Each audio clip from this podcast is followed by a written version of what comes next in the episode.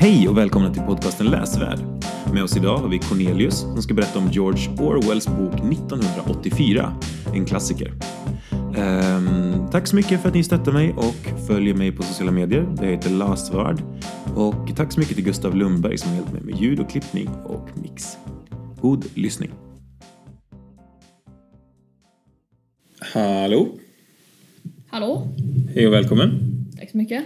Eh, vem är det jag har framför mig här nu? Eh, mitt namn är Cornelius Claesson. Och eh, hur gammal är du Cornelius? Eh, vad, vad menar du? Hur gammal är du? hur gammal- jag, jag har det, jag, jag har det, jag har hatten framför öronen. Ja, du har en hatt på dig som du har gjort själv va? Nej. Nej, du har inte gjort den själv. Jag har haft den sedan jag var typ fyra. Okej, kan du beskriva hatten? Den, eh, den är triangulär, man kan säga som en kon, väldigt mycket färger. Ja, okej. Okej, men okay, med det där. Eh, Jag är 13 år. 13 år gammal. Skulle du kunna berätta fem snabba om dig själv? Fem snabba om mig själv. Eh, Jag eh, har en hund. Jag har en hund. Jag har en hund. Jag har en hund och jag har en hund. Har du fem hundar? Nej, jag har en hund. En hund som jag sagt. Nej men liksom, det är svårt att improvisera här. Men ja, jag eh, går ju på den här skolan, Billform. Eh, jag, som tidigare sagt, jag har en hund med också liksom, storbror så. Jag bor ganska nära här. Ehm, jag är väldigt intresserad av eh, litteratur. Jag tycker det är ett väldigt roligt ämne så det är kul att vara här. Eh, Jag är eh, inte särskilt intresserad av musik och därför är det lite konstigt att vi sitter här under alla pianon och trummor och sånt. Vi sitter ju i en musiksal. Mm. Nu har du avslöjat för lyssnarna Ja. ljudbilden liksom, här. Jag vet inte om det heter så, men ehm, Det gör du säkert. där vi, i det, i det rum vi sitter i, vi sitter i ett musikrum. Ehm, och du nämnde att du tycker om att läsa. Ja, det gör jag. Det är ju positivt för den här podden som ju heter Läsvärd. Vad är det du ska berätta om idag? Jag ska berätta om en av mina favoritböcker. Eh, 1984, skriven av författaren slash journalisten George Orwell. Eh, Det känns, jag har en spontan känsla av att du kan väldigt mycket om den här författaren. Eh, ja, det kan jag ha läst några av hans andra grejer som Animal Farm och sådana saker. Eh, jag tycker det är väldigt intressanta verk han gör. Men 1984 är nog min favorit av hans böcker. Okej, Det var ett tag sedan jag läste den dock så jag är lite rostig på informationen men jag ska försöka mitt bästa. just det. Eh, Vi kan kasta oss rakt in i, eh, i handlingen här av 1984, som är ju en klassiker. Kan du berätta lite om den och varför den fångade ditt intresse? Ja, eh, jag gillar väldigt mycket världen som är uppbyggd där. Ehm, vi har ju Oceanien som består av då eh, Nord och Syma- Sydamerika, Storbritannien där eh, majoriteten av boken utspelar sig, delar av Afrika och Australien, eh, plus några mindre öar. Sen så har vi också eh, Eurasien som är majoriteten av Europa, Ryssland och små delar av Asien och Afrika och eh, Eastasien som består majoritet av Asien. Och det är de här tre stycken olika eh, supermakterna. Och de här är konstant i krig med varandra. Eh, väldigt mycket konflikter är här emellan. Eh, nu utspelar sig boken och vår huvudkaraktär, Winston Smith, bor ju i Storbritannien som är en del av Oceanien. Eh, det, det som styr Oceanien är partiet INSOG. INSOG är då eh, det enda partiet. De säger sig vara en demokrati men eh, eh, om det finns ett parti så är det ju inte riktigt det. Man skulle kunna dra paralleller till, Eh, kanske till någonting som typ Nordkorea eller jag vet inte. ja, eller just den här boken, vet du, vet du vad den faktiskt anspelar på? Till eller Eh, syftar till? Jag är ganska säker på att den här är om Sovjetunionen. För det här var ju mycket korrelation med då eh, andra världskriget och kalla kriget. Mm. Men då, det som lite händer i handlingen här är att det här partiet insåg väldigt förtryckande mot folket. Det finns väldigt mycket vad man får och inte får tänka, säga. Ehm, det är konstant övervakning så att ingen säger eller tänker någonting som inte är tillåtet av partiet. Ehm, de skriver om eh, ordböcker och almanackor för att eh, Eh, få eh, partiet då insåg i ett positivt ljus. Eh, och då finns det den här mannen, Winston Smith, som jobbar för då partiet. Han är en journalist och han skriver tidningar. Eh, och alla de här tidningarna är såklart då hur bra partiet är och hur grymma saker de har gjort. Eh, men han är trött på det här. Han längtar efter ett fritt liv, han drömmer om det här. Och, men han kan inte göra någonting för då kommer ju då, som det kallas, tankepolisen. Och eh, kan man säga arrestera honom men förmodligen bara dödar honom. Vilket inte är så himla bra. Eh, han träffar på en ung kvinna som heter Julia som också drömmer om ett fritt liv. Och de eh, blir tillsammans, om man säger så. De eh, tillsammans eh, eh bryter mot eh, lagarna av landet. De eh, blir ihop, de eh, följer inte lagarna, de tänker kontroversiella tankar, de skriver, vilket är eh, kontroversiella tankar som inte är godkänt av staten, vilket är extremt olagligt. Men de gör det här i hemlighet och som en liten eh, eh, rebellsak eh, mot partiet då. Sen blir de ju eh, upptäckta av partiet såklart. Det är konstant övervakning. Och de blir fångatagna och tagna, tagna av tankepolisen till kärleksministeriet. Vi kan prata lite om här, de här ministerierna. Det finns fyra stycken. Ehm, det finns sanningsministeriet. De jobbar med journalism och sånt och det var där Winston jobbade innan han blev eh, fångtagen. fångatagen. Fredsministeriet. De jobbar med saker som krig och sådana saker.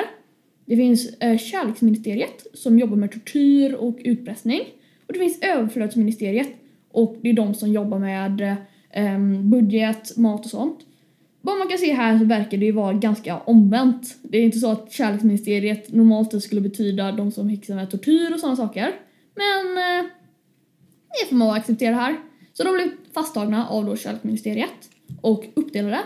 Eh, Winston då, eh, en stor del av eh, boken följer då när han blir torterad av en man som heter O'Brien. Och eh, hur det här långsamt bryter ner honom eh, till en tom människa. Till slut, efter eh, man vet inte hur lång tid, det kan vara år, det kan vara dagar, så släpps han fri tillbaka i då Oceanien som en lagföljande, bra, um, inte tänkande invånare som partiet är nöjd med. Och då så avslutas då med att han tänker... Kommer en spoiler nu? Jag kommer spoila nu, är massa spoilers här. Avslutar den med att han basically tänker jag fortfarande älskar dig Julia. Ja. Så det är boken, eh, hur den följer. Mm. Vi kanske borde satt en spoilervarning innan och sånt, för nu bara spoilade hela händelsen. Men även om man har hört det här så är det fortfarande en stor anledning att titta på. Eh, liksom, antingen, det finns en filmform också som man kan titta på. Mm. Och det finns bokform. Eh, Jag skulle högt rekommendera bokformen för mycket kommer inte med i filmen. Jag har sett den också. Okej. Vi, ska, vi ska bara sammanfatta snabbt här då. Så, eh, 1984, ett slags framtidsdystopiskt samhälle. Japp. Så, och George Orwell- han skrev den här 1948. Eh, Ja, det gjorde han. Mm. Och då spekulerade han ju lite om att då i framtiden, 1984 då, så kommer det finnas, vara liksom ett övervakningssamhälle. Och lekte han lite med den tanken. Kan man säga. Ja. Ja. Ehm, och eh, ja, staten kontrollerar människorna och liknande och sådana där saker. Eh, den här, vad sa du att den här staten hette? Eh, Staden heter Insog. Ja, insåg jag precis. Och um, det är lite så samhällskritiskt, jag bara förenklar lite här nu för de, som, för de som inte har läst eller känner till det här verket innan då. Det är ett ganska komplicerat verk ju i viss mån också. Det är det ju. Vad är det som har fått dig då, 12-13 år gammal, att vilja läsa den här boken och fastna så för den? Det största är nog eh, det jag tar i början. Um, worldbuildingen som ansidan. Hur mycket man får veta om de här olika platserna. Och att ingen av dem riktigt sätts i ett positivt ljus. Att eh, allting verkar. Eh, ing, inget ställe verkar som ett riktigt paradis här. All, alla verkar ha sina brister. Eh, men sen också en väldigt intressant fakta som fick mig att vilja läsa den här boken verkligen. Eh, det är att den blev bannad i Sovjetunionen under kalla kriget eftersom den ansågs antikommunistisk. Men den blev också bannad i USA under kalla kriget eftersom den ansågs vara antikapitalistisk. Just det. Det är speciellt det där, en väldigt spännande, spännande tanke. Visste du det innan du började läsa boken? Ja, det visste jag. Och det var det som fick dig att eh, liksom, bestämma Det var, det var det som... Jag hade hört om den förut. Ja. Ehm, så jag hade tänkt läsa den men det var riktigt det som fick mig att vilja läsa den. Just det.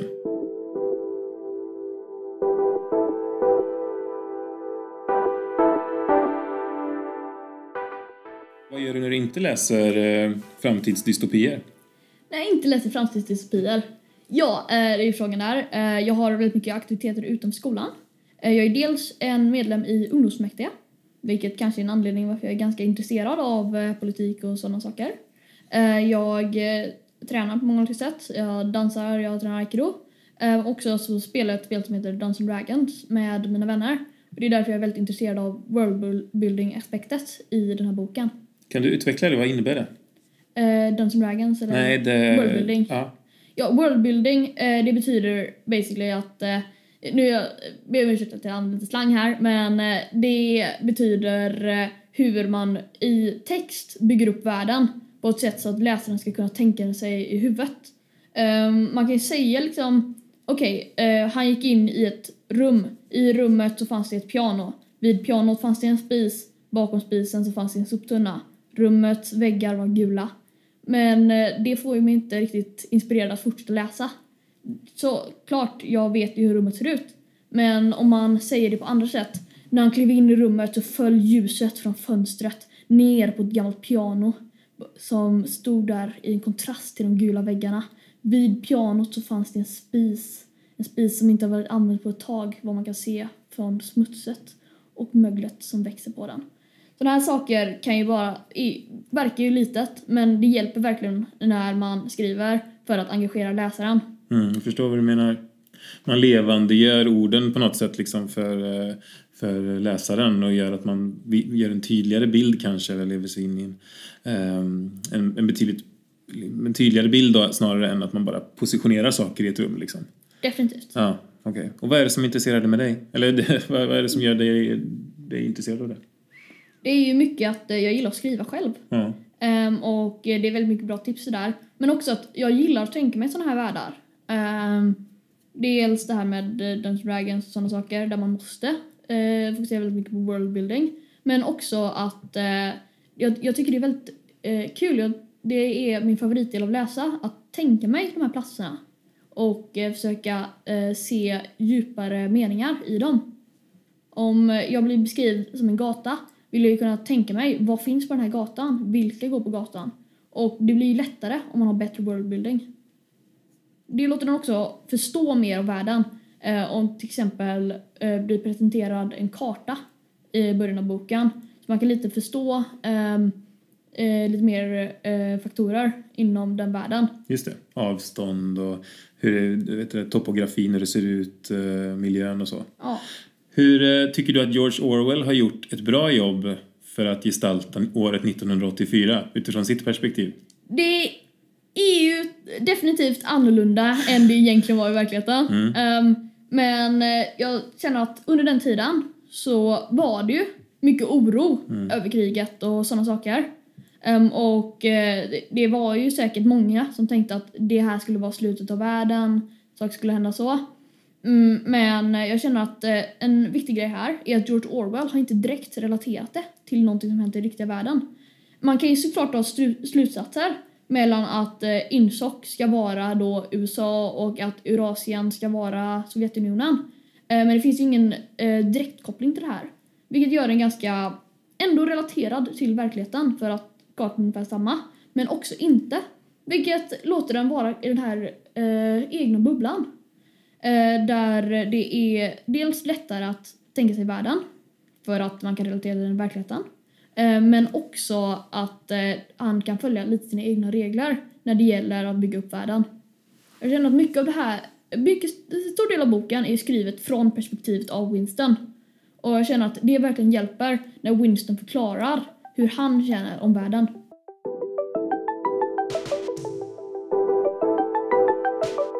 Ja, som eh, du har varit inne på så George Orwell, som då egentligen hette Eric Arthur Blair, han skrev ju under, under pseudonymen George Orwell, um, var en väldigt politisk person. Och du pratade om djurfarmen. Har du läst den också? Det sa du att du hade i början. Eh, ja, mm.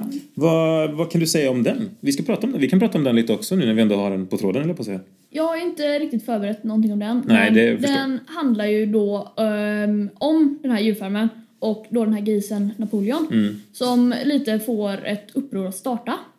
Uh, grejen är att det här gömmer sig bakom den här um, sjalen att det handlar om djur som bor på en bondgård och sånt och de är arga på bönderna och sånt. Um, men egentligen så har det en mycket djupare mening. Och jag känner att det är mycket som sådana här uh, böcker av uh, George Orwell. Mm. Ja, det är, helt klart finns det en sån satirisk underton. Känner du till begreppet satir? Ja. Mm. Eh, och man, vad ska man säga? att eh, det, Han väver liksom in då politisk kritik eller politiska personer in i sina böcker och i djurfarmen här och så eh, de här två grisarna, den ena heter Napoleon, kommer du ihåg vad den andra hette? Det kommer faktiskt inte riktigt ihåg. Den heter Snowball. Ah, Eller snöboll på svenska tror jag. Eh, ja och eh, det ska ju vara då eh, Trotskij och Stalin. Eh, jag vet inte hur mycket du kan om den tiden och den berättelsen men det är liksom en, en tydlig liksom lek då med politiken och kritik mot politiken samtidigt. Hur skulle du, skulle du säga att du kan förstå liksom de här politiska budskapen genom att läsa boken? Eller fick du lära dig det genom att läsa om boken i efterhand? Eh, det var definitivt vissa kapitel som jag läste om. Mm. Eh, för att det var vissa delar eh, där man läste det. Och det var inte riktigt logiskt. Men sen så fick man läsa tillbaka på kapitel, mm. läsa tillbaka till det och förstå det helt. Det är väldigt mycket komplicerade vändningar och så. Um, vilket gjorde det så att man inte riktigt kunde bara läsa igenom det lite lugnt och vara klar med det. Utan jag tror att varje gång man läser det så kan man hitta något nytt som gömmer sig i texten. Just det. Så du skulle inte rekommendera den här boken för en relativt ny läsare? Eh, inte direkt. Den här känns som någon som läser lite mer. Dels är den väldigt lång. Mm. Det är inte en kort bok det här. Nej. Eh, jag kommer inte riktigt ihåg antalet sidor men den är, det är inte en kort bok. Mm. Sen också är det ju det här användningen av komplicerade vändningar och sådana saker. Um, och också att man måste läsa väldigt mycket mellan raderna för att uh, faktiskt hitta vad som, förstå vad som händer. Um, och uh, det är ju mer anpassat för en äldre demografi, mm. den här uh, boken. Men jag skulle faktiskt säga att det är en bra läsupplevelse för jag tror vem som helst som har läst förut, är intresserad av litteratur, politik och sådana saker och har tiden att läsa den. Mm.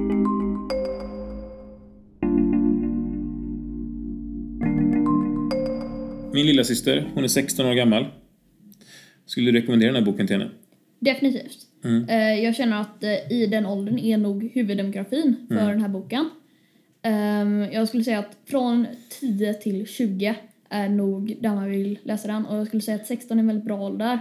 För den, dels för att kunna förstå alla teman och sånt, kunna läsa in i den djupare.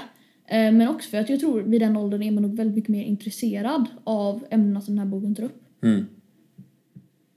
Och det är därför eh, du fastnade för den då, antar jag? Ja. ja.